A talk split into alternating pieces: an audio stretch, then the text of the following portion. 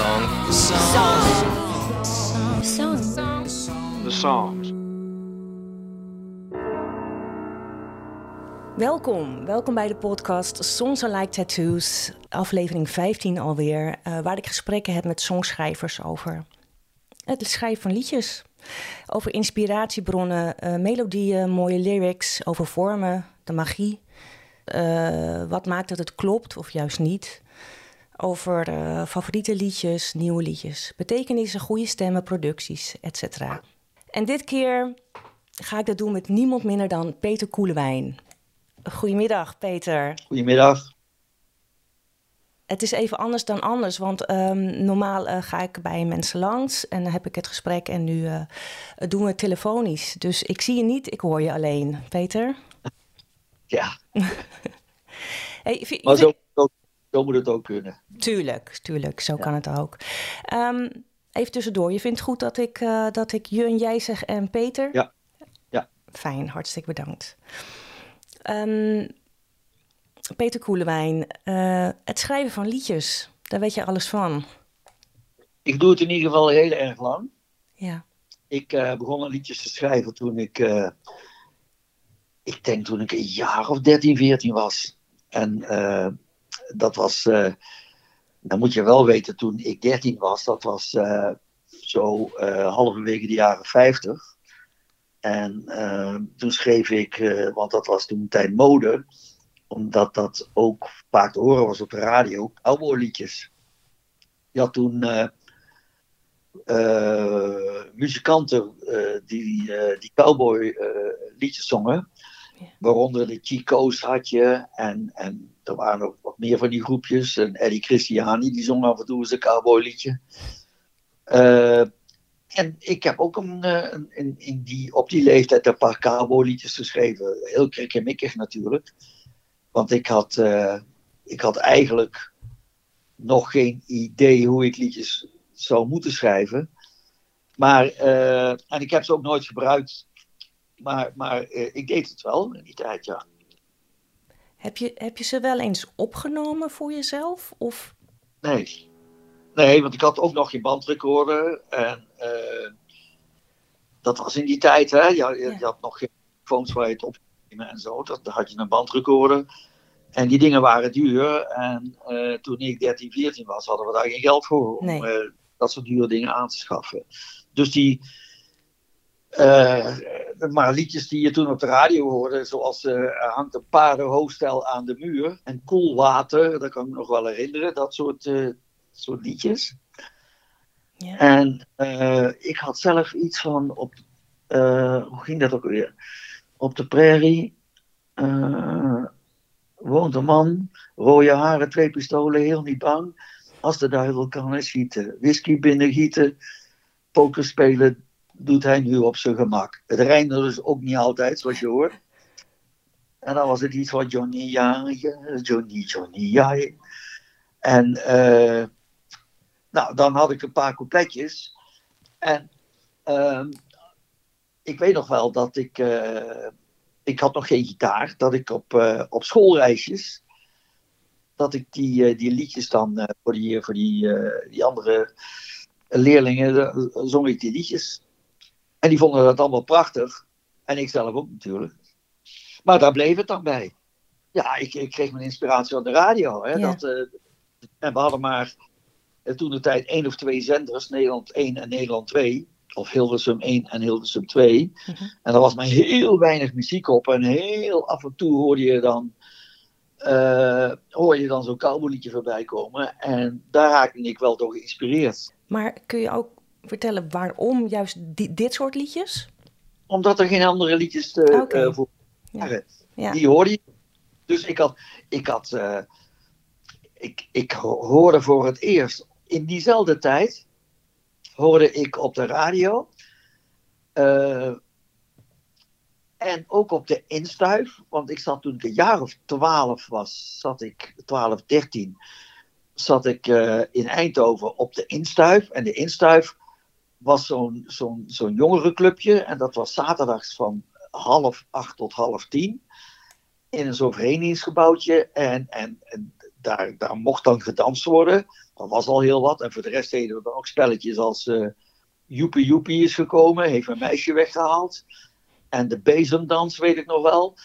Maar daar werd dan ook af en toe gedanst. En een van de platen die ik daar toen hoorde, en later ook op de radio, was Singing the Blues van uh, Guy Mitchell. En dat klonk voor die tijd klonk dat ongelooflijk ruig. Dus da, da, da, daar raakte ik al, al uh, van onder de indruk.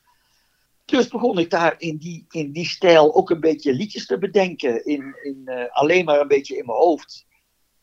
En, want ik kreeg pas later, een paar jaar later, kreeg ik mijn eerste gitaar. En toen kon ik dat ook nog eens proberen te spelen op, op de gitaar.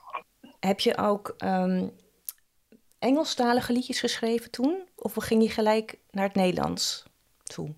Nee, ik heb zelfs um, nog een liedje in het Engels geschreven, wat, waarvan ik eigenlijk alleen nog de titel weet. Uh, en de titel was Not to Mend It, But to End It. En dat kan ik me nog herinneren. Uh, en, en waarom die titel? Wij kregen geschiedenisles. En het ging over, ik dacht de Engelse staatsman Disraeli. En die heeft die, die, die, die zin ooit gezegd: Not to mend it, but to end it. Met andere woorden, ik ging volgens mij over de, de, de, wat zij noemden de Ierse kwestie, de opstanden. En hij bedoelde van, we moeten er niet over lullen, we moeten het gewoon neerslaan. Dus dat was eigenlijk de bedoeling met die, uh, met, met die zin. Maar ik, ik vond het zo'n goede zin dat ik dat wilde gebruiken voor een liedje. Maar nogmaals, dat was allemaal in, in, in het premature stadium. En ik deed er ook verder helemaal niks mee. Maar ik kan me dat nog herinneren, omdat dat mijn eerste uh, schreden op het pad van het maken van liedjes uh, waren. Uh, hoe, hoe ging dat dan verder? Nou, het begon serieus een beetje te worden toen ik mijn eerste gitaar kreeg. Ja. En ehm, daar ben ik toen eerst maar leren spelen, akkoorden. En, ehm, en liedjes, en vooral begon ik liedjes na te spelen die ik hoorde. En dat waren toen ook weer uh, cowboyliedjes, ook Engelstalige. Home on the Range, kan ik me nog herinneren. Home, home on the range, where the deer and the antelope play. Well, seldom is heard in this Russian word. Zoiets was het. En ging ik die akkoorden uitzoeken.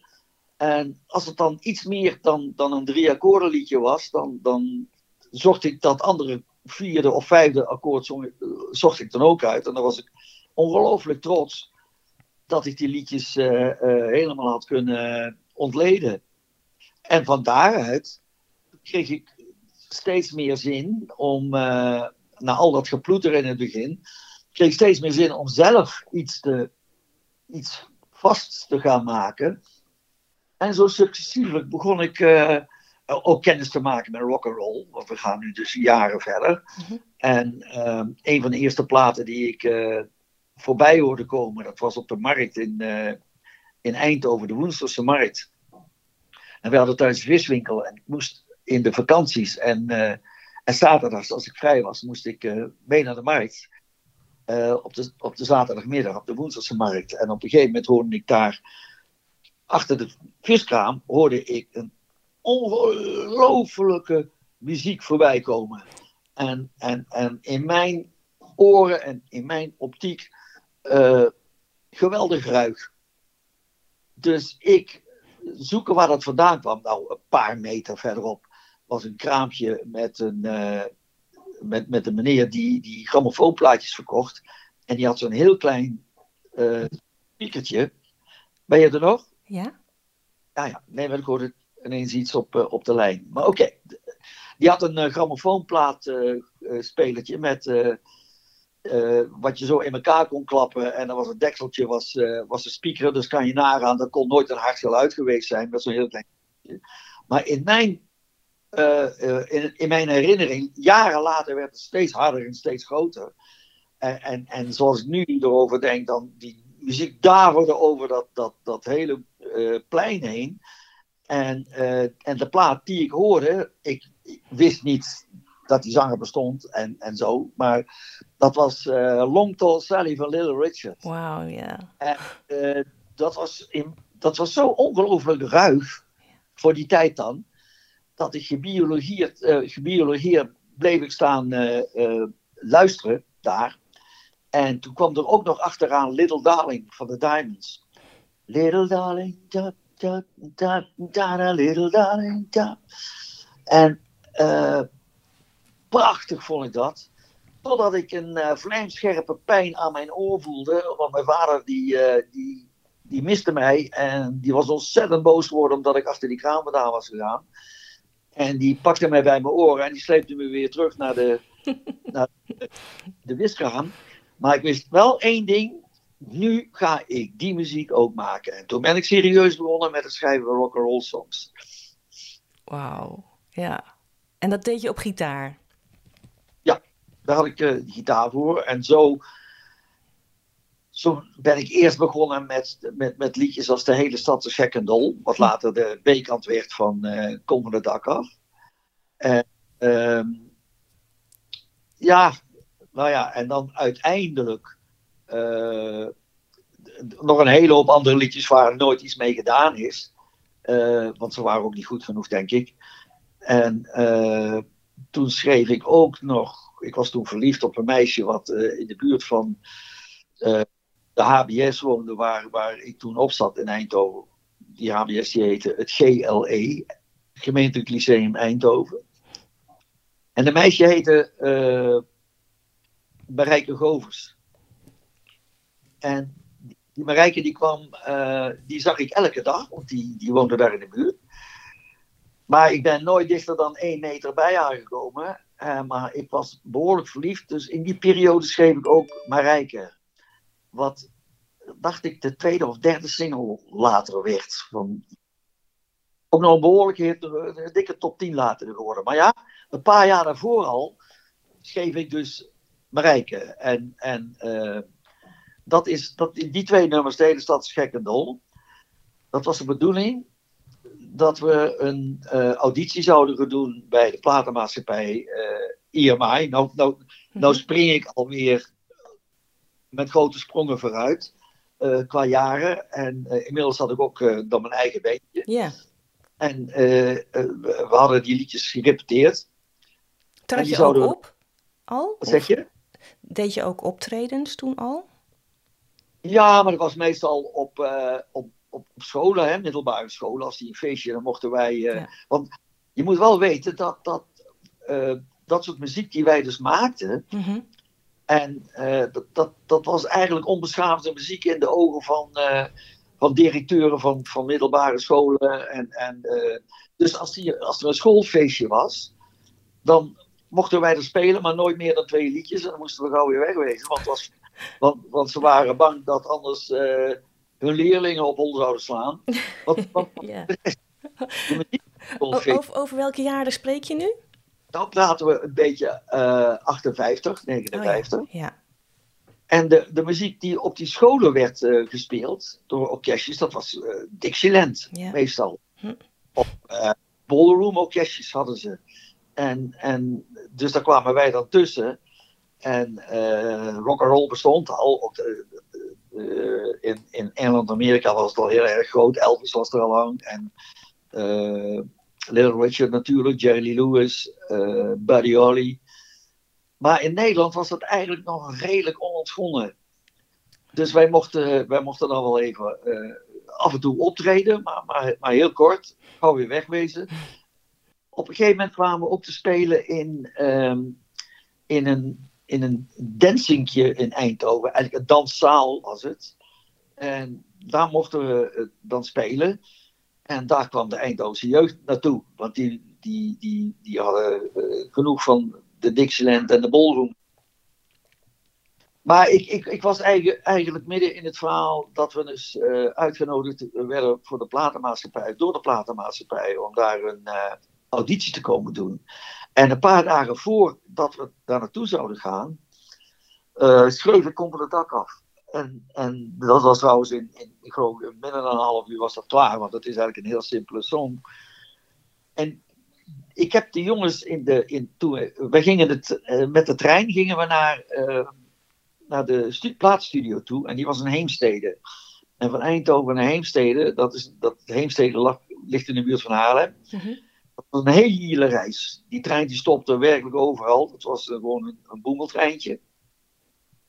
En ik vertelde de jongens in de trein dat ik een, nog een liedje had geschreven. Nou ja, Peer, want zij is altijd Peer tegen mij, dat echt Brabants. Mm -hmm. Laat me horen. En toen liet ik ze Kom het dak afvoeren. Nou, uh, de drummer pakte zijn, uh, zijn trommeltje en de saxofonist zijn, uh, zijn saxofoon. En nou, speel het nog eens. En die jongens, heb ik het een paar keer gespeeld. Die jongens speelden mee. En toen we bij de studio aankwamen, tenminste in regio Haarlem, toen kenden die jongens de song, want zo moeilijk was het ook niet. Dus in de studio namen we die twee liedjes op waarvoor we kwamen. Dus mijn Rijk en Nederstad is gek en dol. Toen zei ik, nou, wij hebben er eigenlijk nog één. Nou ja, laten we dat er ook maar bij zetten. Dus toen namen we ook Komen de Dak af op. Dat was eigenlijk zuiver toeval dat we dat opnamen, want dat was eigenlijk niet eens de bedoeling. We zouden er maar twee doen en toen hebben we er drie gedaan. Nou ja, de rest is een beetje geschiedenis. Ja, zeker. Hey, en, en bij EMI, die had dus een eigen studio. De platenmaatschappij ja. had een eigen ja. ja, die was beneden en boven waren de kantoren. Eigenlijk was de, pla de platenstudio, ik zeg het niet goed, was achter. Okay. Achter het kantoor. En voor als je aankwam, want dat was wel grappig.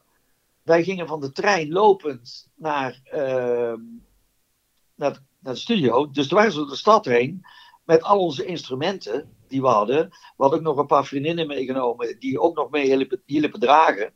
Dus erkertjes en gitaren en, ja. uh, en, en, en, en, het hele drumstel. En uh, kort en goed, wij liepen door de straat van de studio en kwamen bij, bij, de, bij, bij het kantoor van, van de platenmaatschappij terecht. En toen stonden uh, al die mensen van de platenmaatschappij voor het raam te staren van wat daar nou voor een rare karavaan aankwam. dat had ik nooit gezien natuurlijk. Dus uh, nou, wij uh, de oprit op en achterom naar de, naar de studio toe. Daar werden we gedirigeerd.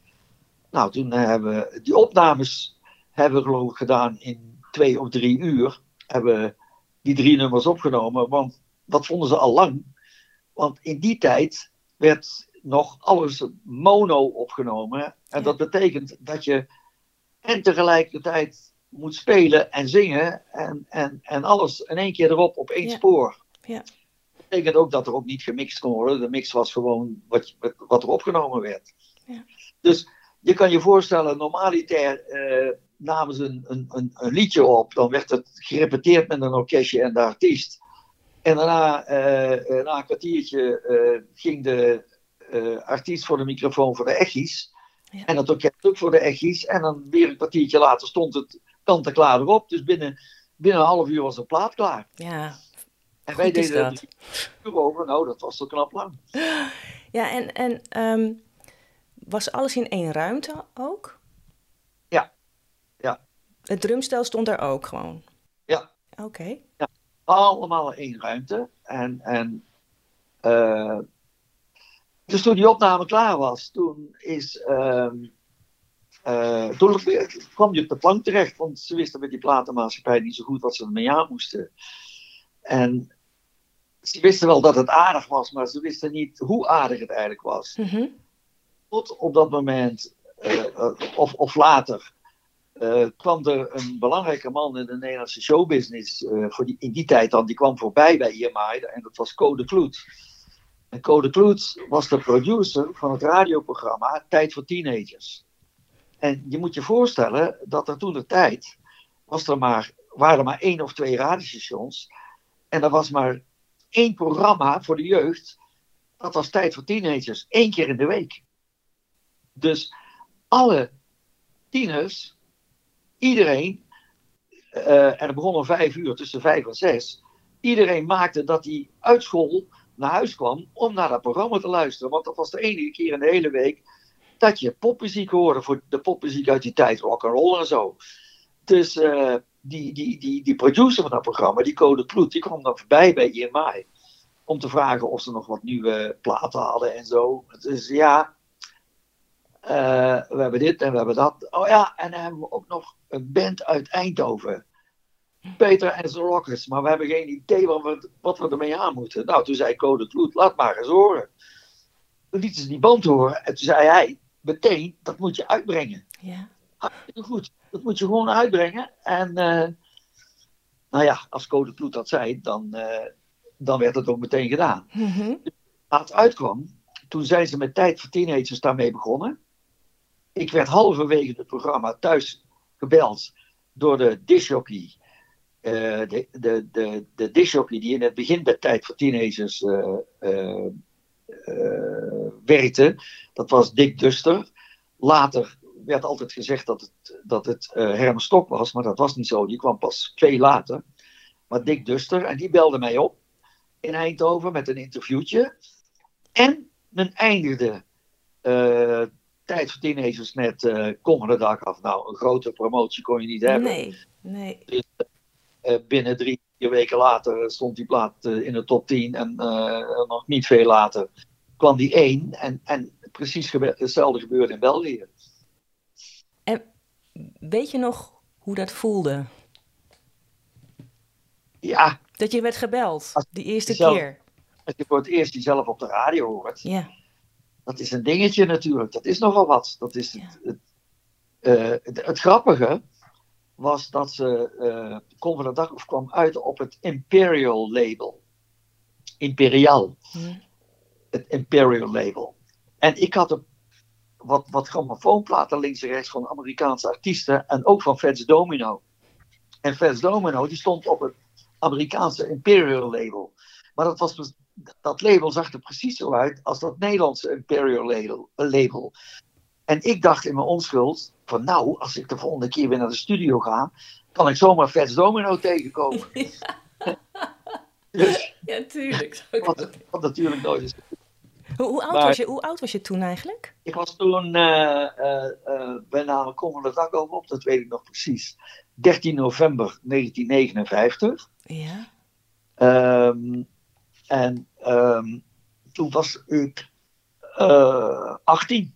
ja. Ik werd in november 19. Dus ik was 18. En nee, ik was. Even kijken. Ja, ik was 18. En in ehm, januari. eh, even kijken, 1960. kwam Kom het dak af uit. Januari, februari. Dus toen was ik 19. En ik moest van, van huis, ik mocht niet meteen eh, al die optredens allemaal doen. Dus die zeiden van, je maakt eerst maar je school af. En eh, dus ik, eh, de eerste grote golf van promotiedingen kon ik niet doen. Maar ik ben mijn ouders altijd dankbaar gebleven dat ze mij eerst die school hebben laten afmaken. Had je daar nog wel het geduld voor? Ik wou van school af natuurlijk. Ja, dat snap ik. had daarmee te trekken. De, de, de platenmaatschappij, de tv-stations eh, of, of de radiostations. De, de, de tv was er ook nog maar mondjesmaat. En, eh maar radiostations waren er toen al. al eh, eh, in Be- eh, België onder andere. Eh, dus, maar dat kon allemaal niet. Ik, ik, eh, ik had daar geen tijd voor. Ik moest mijn huiswerk natuurlijk doen. Ik moest op school zitten. Dus eh, ik bleef op school. En, en schreef je ook nog eh, tussendoor? Ja, dat heb ik wel gedaan. Toen ben ik steeds meer liedjes gaan schrijven. Ja. En op een gegeven moment. ehm, eh, ik heb het altijd heel jammer gevonden. Dat. eh, de- je moet begrijpen dat bij platenmaatschappijen. werkten mensen. waarvoor de, de, de, de, de rock and roll muziek. de popmuziek van die tijd. Mhm. totaal nieuw was. Die mensen waren opgegroeid met de Silvera's en met eh, Malando en eh, de Three Jacksons en zo, dat soort artiesten. En eh Mieke Telkamp Mhm. en Christiani. En, en dus het was de soort muziek die wij bijvoorbeeld maakten en, de soort muziek die uit Amerika overkwam en Engeland, dat was totaal nieuw. Daar hadden die mensen, die hadden geen idee hoe ze daar eigenlijk mee moesten omgaan. Dus toen kwam er een jongen uit Eindhoven en die maakte zomaar een nummer 1 hit met een in hun ogen eigenlijk heel raar achterlijk liedje.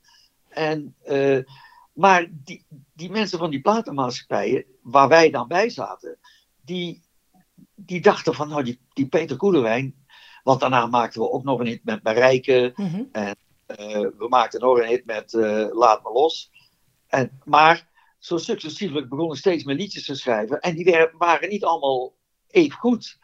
En eh, helemaal niet zelfs. Maar die mensen van die platenmaatschappij durfden eigenlijk niet te zeggen dat ze niet goed waren, want ze wisten het ook niet. Ja. Want dat hadden ze met, met Kom van het Dak af ook gezien. Daar hadden ze waarschijnlijk ook van gedacht van rare muziek, eh, een beetje geschreeuw enzovoort. Want dat waren ze niet gewend. Ja. Maar, dus die dachten, die Peter die weet dat wel. Dus die, die namen met mij werkelijk alles op waarmee ik aankwam. Oké, ja. Zal ik- Ik heb een jip jip op mijn lip lip en eh, Hasta la Vista en meer van die ook hele rare titels en, en rare liedjes. Er kwam nog ook nog bij dat, dat, dat, dat ze in de studio's van die platenmaatschappijen ook niet precies wisten hoe ze die, die, die roll moesten opnemen. De, de Kom van de dag hoort, dan, dan, als je dat bijvoorbeeld naast de platen van Fats Domino legt of, of die van Elvis, Mhm. Dan klinkt het eigenlijk voor geen draad. Omdat die technici in Nederland, die hadden geen kaas gegeten hoe ze dat moesten opnemen. Dat, eh, die waren gewend big bands op te nemen, Ja. of tango orkesten en eh, of een harmonica eh, trio. Maar echt rock and roll, dat, eh, dus het klonk, al, het klonk niet, niet zo best. En als ik dan ook nog aankwam met, met volslagen niks zeggende liedjes, die combinatie maakte dat het toch wel heel erg snel eh bergafwaarts ging in de eerste periode met uh, Patrons Rockets. Maar eh, speelde je toen wel ook al? Of, of is het... Ja, dat, toen ik eindexamen eh, eh, HBS had gedaan en was geslaagd, dus dat was Mhm. in 1960, in de zomer. Toen ben ik ook volop eh, gaan, eh, gaan optreden en gaan, to gaan toeren. En wat festivals en weet ik veel wat we allemaal wel niet gedaan hebben. De, de, de jaren daarna, de jaar of twee, drie daarna, zijn we volop met de band eh, overal naartoe gegaan. En, en wa- was er, had het ook invloed op, het, eh, op de liedjes? Op, eh, op het schrijven van liedjes? Het spelen, spelen? Nou, ik heb dus die eerste periode heb ik heel veel eh flutliedjes geschreven. Omdat ik, om twee redenen. Ten eerste, ik, ik wilde te veel schrijven. Ik maakte te veel. En, en de tweede reden was wat ik uitlegde, dat de platenmaatschappij het allemaal mooi vond. Ja. En dus niemand zei tegen mij van Peter, van de tien liedjes die, die, bij, die, eh, die je hebt, gooi daarvan acht weg. En die andere twee moet je nog eens opnieuw over nadenken. En dan kunnen we er misschien iets mee doen. Ja. Maar het, gewoon alles werd, werd vroeg zoete koek eh, eh, geslikt wat, waarmee ik aankwam. Dat, dat was natuurlijk heel erg verkeerd. Geen enkele eh, kritiek, geen enkele eh, leiding daarin. Nou, dat was die hele beginperiode. Tot, eh, toen ben ik ook successievelijk opgehouden met de band. Maar op een gegeven moment kreeg ik wel ik kreeg een aanbieding om bij de platenmaatschappij te gaan werken. Dat was weer halverwege de jaren 60. En toen kreeg ik verzoeken om voor anderen liedjes te schrijven. Ja. En, en of muziek te schrijven, of teksten te maken, of en muziek en teksten te doen. En omdat het voor anderen was, ehm, die waren wel kritisch.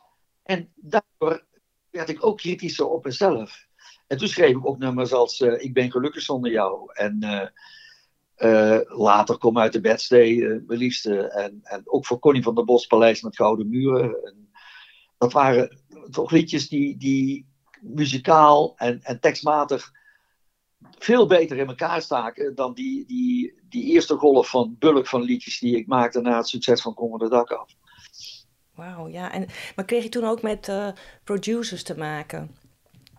Van, van, van, die, van die artiesten? Andere artiesten wel. Ja, Maar dat was weer hetzelfde euvel. Die hadden er ook weer niet die, die, die, hetzelfde euvel als bij die platenmaatschappijen. Die hadden niet zo heel erg veel eh, kaas gegeten van, van, van rock'n'roll muziek en zo. En van de echte popmuziek. Dat werd wel heel snel beter. Omdat er een hele hoop nieuwe producers voortkwamen uit bands van... eh, ehm, die, die, die, die, die al popmuziek maakte. Hans van Die had een, een, eigen bandje. Hans was ook een hele jonge jongen. En net zoals ik, wist hij wel precies wat hij eigenlijk wel wilde horen in, in een studio. En Hans was een, uh, werd een hele, is een hele goede producer geworden. Heeft later onder andere Luf gedaan en Mouse en zo. Dus uh, dat, en ook een goede songwriter. Ja, maar die oude garde, die, die, die wist er ook niet zo erg veel van.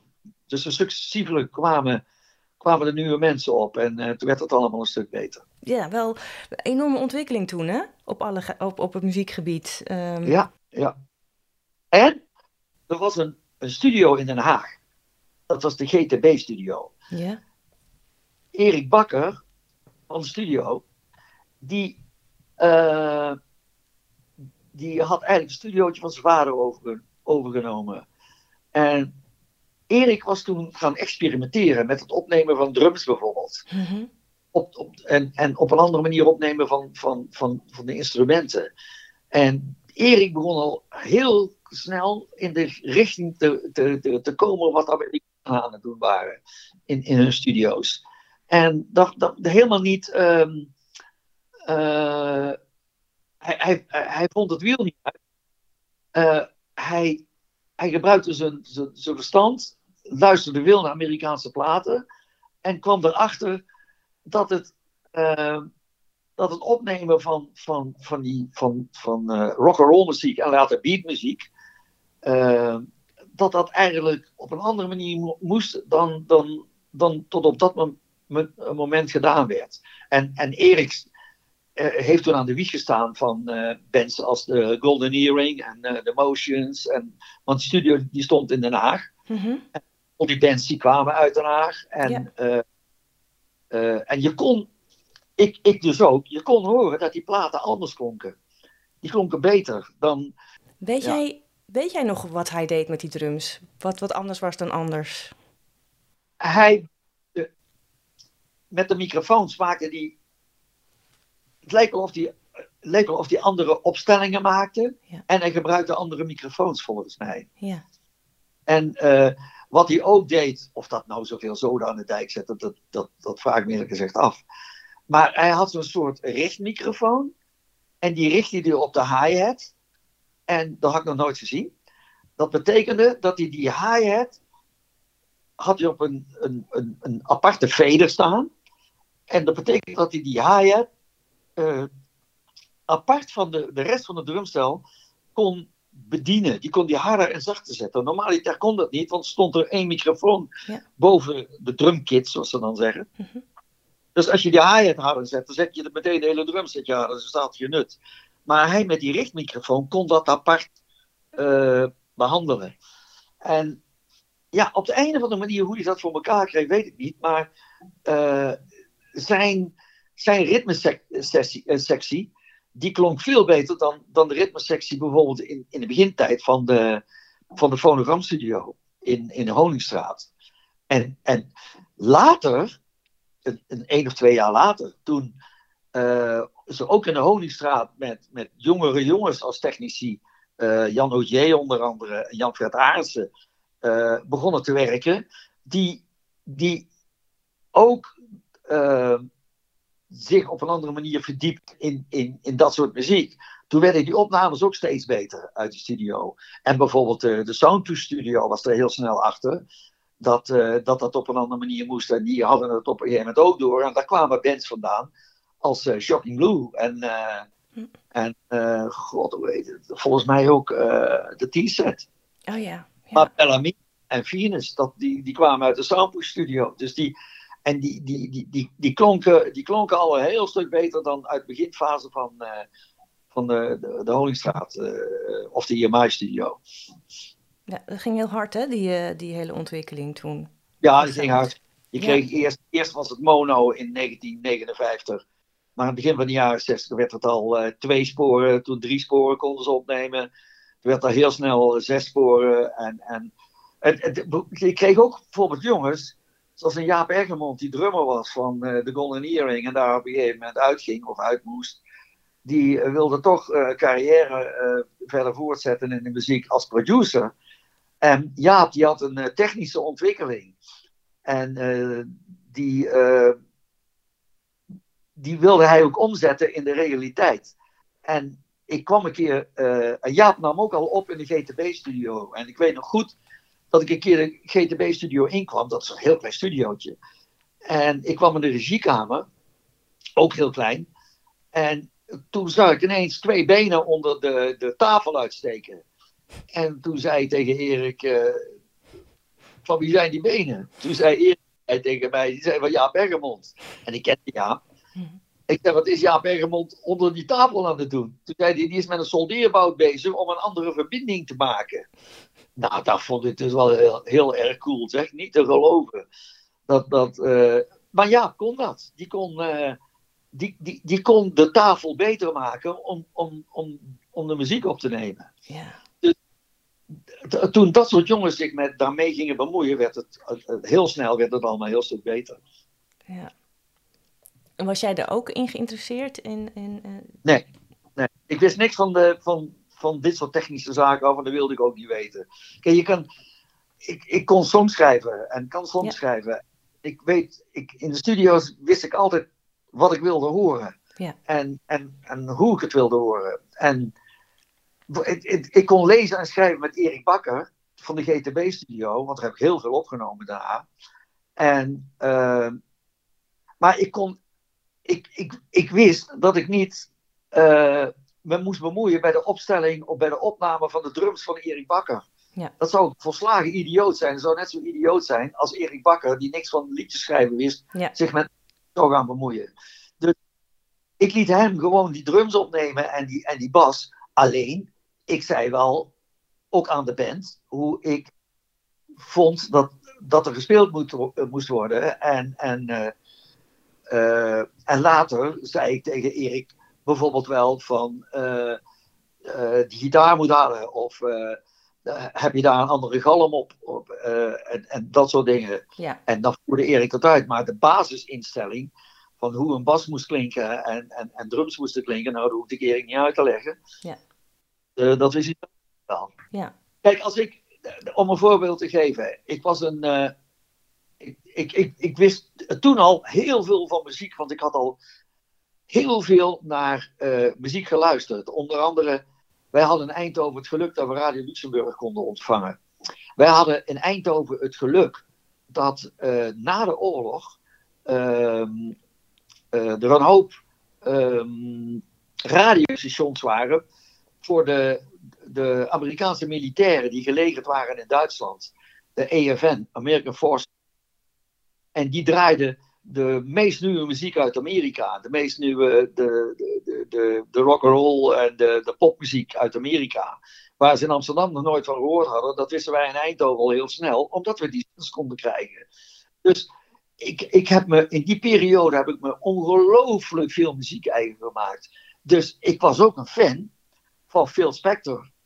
Ik wist, ik wist de Ronettes en, en uh, alles wat, wat, wat hij dus deed.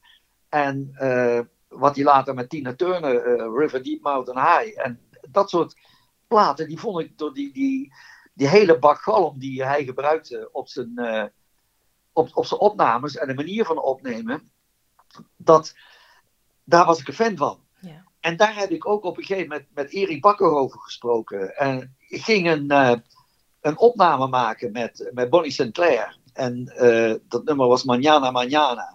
En toen zei ik tegen Erik, ik zei Erik, ik weet niet hoe, hoe we het moeten doen. Maar ik wil dat Manana Manana, dat wil ik opnemen zo'n beetje in de stijl van Phil Spector. Ja. Diezelfde soort met die galmen die erop staan.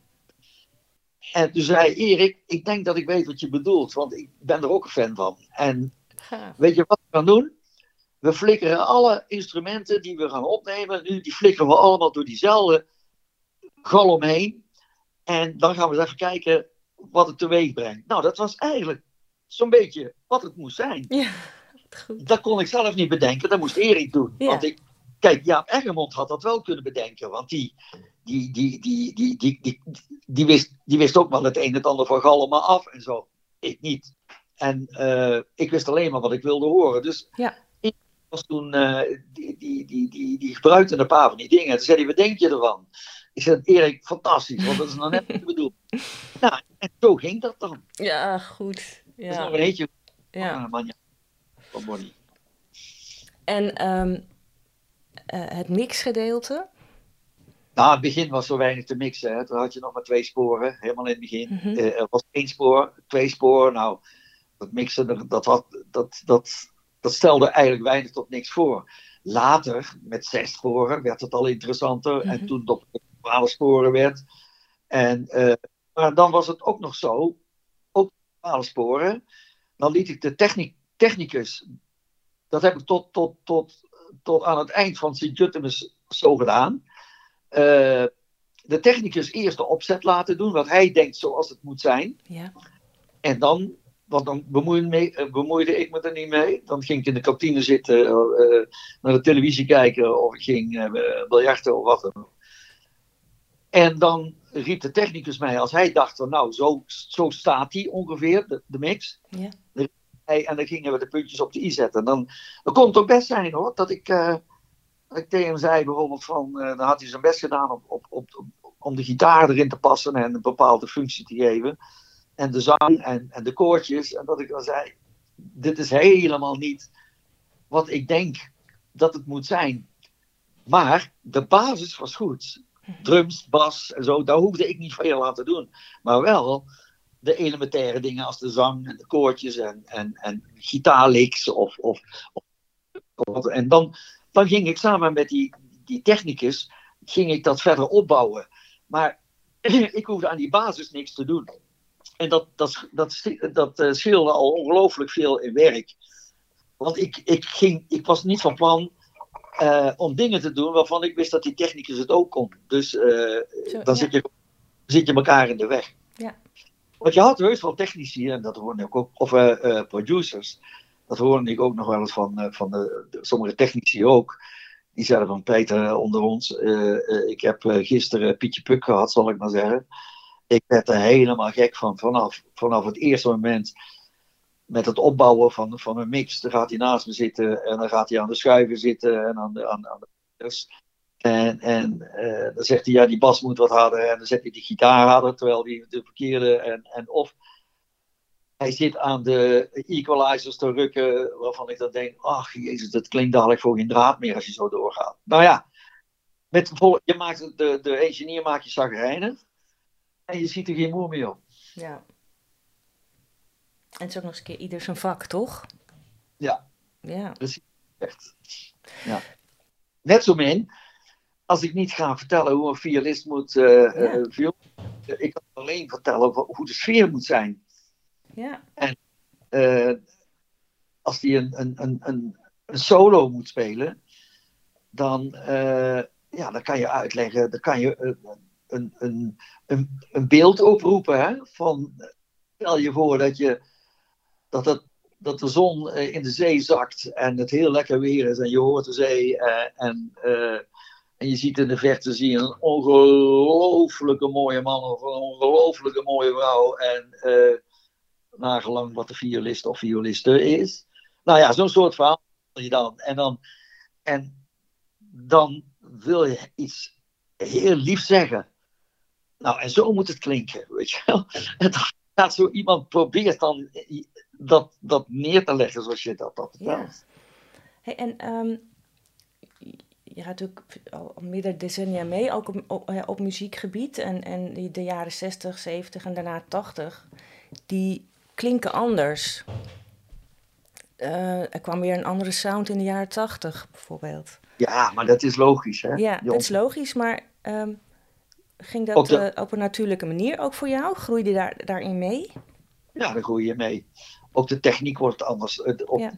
Ongelooflijk grote, grote eh, invloed is de doorbraak van de computer geworden. Ja, Ook eh, de- de- wat betreft het opnemen, maar ook wat we. Eerst kreeg je ook nog de drumcomputers, Mhm. de, de, de Lindrum, zoals dat heet. Dat, eh, die vervingen de, de gewone drums.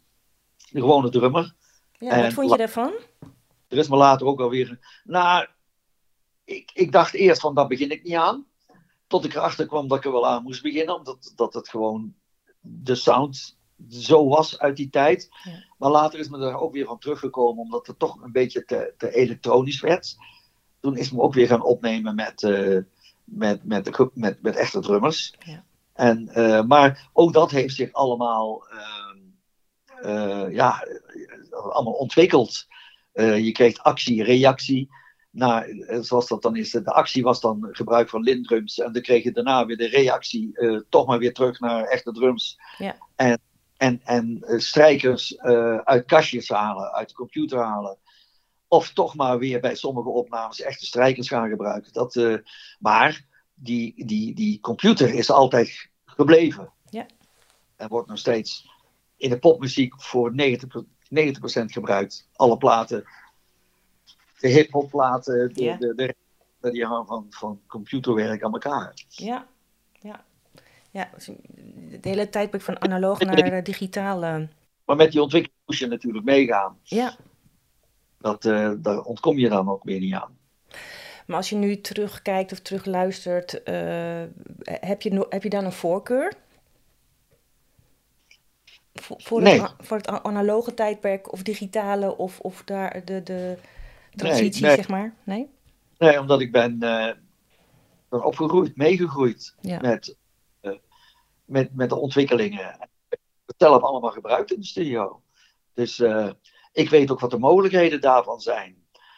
En dus, het- maar je moet weten wat je ermee doet. Net zo wat, wat, ik, wat ik van de Nederlandstalige volkse muziek op dit moment vind, is één dat een hele hoop liedjes wel een beetje op elkaar lijken, een beetje het- hetzelfde stramien uitstralen, maar vooral dat de opnames een beetje hetzelfde, hetzelfde zijn. En, en dat komt omdat iedereen van dezelfde elektronica gebruik maakt. En dezelfde drums, drums gebruiken. En, lindrums, of eh, de, de drum eh, eh, mogelijkheden. En, en, dat, dat, en als je als je dan niet genoeg muzikale know-how of genoeg lef hebt als producer om eh, te zeggen dat ga ik niet doen, want anders val ik niet op. Want dat is het voorna- Als je een, een plaat maakt, moet je zorgen dat je niet de hit aan het maken bent die op dat moment nummer 1 staat. Ja, Dat is er al. Dan moet je proberen iets totaal anders te bedenken en te doen. Niet alleen qua liedje, maar ook qua opname. Nou, dat is wat, wat ik te weinig terugzie Hm. in de Nederlandstalige muziek. Dat zag je toen Doemhard tevoorschijn kwam. Mhm. Hele andere reggae-achtige, ska-achtige muziek brachten in het Nederlands. was totaal nieuw. Ja. En dat hielden ze, daar hielden ze zich ook aan vast. ja, Bijna elk nummer was een beetje in dat, in dat ska-ritme. Als je een plaat hoorde van Doema, wist je gelijk dat het van Doema Ja. was. ja. En, En en, en, Daarom, daarom zijn ze ook zo groot geworden. Omdat ze gewoon, ze vielen vanaf het begin vielen ze heel erg op. Daar komt bij dat, dat. En Ernst Jans en eh goh, en eh, dat hij die hele goede liedjes maakte. Dat, Ja. dat, hielp- dat natuurlijk ook. Dat is natuurlijk wel het begin, hè? Toch de start. Een goed liedje. En dat hadden zij, ja. Dus daar, daar valt het trouwens bij bij elke plaats. Om, om, om jouw podcast eh, eh, een kapstok te geven. Eh, Eerst het liedje en dan de rest. Ja. Ja, Zonder een liedje kan je moeilijk scoren. helemaal waar. Je kan een heel goed liedje hebben en een slechte opname. Dan heb je veel meer kans dat je scoort dan andersom. Ja, helemaal waar. Ik vind het een, een mooie afsluiter eigenlijk, dit. Ja. Ja. Ehm, Nou, ik hoop dat je er veel succes mee hebt. En eh, laat me maar eens weten waar ik het ergens kan horen. Laat ik zo en zo weten. Ehm, en Peter, ehm, het was echt een eer om jou te spreken. Prettige dag. Hetzelfde, dankjewel. The song. Song. The songs.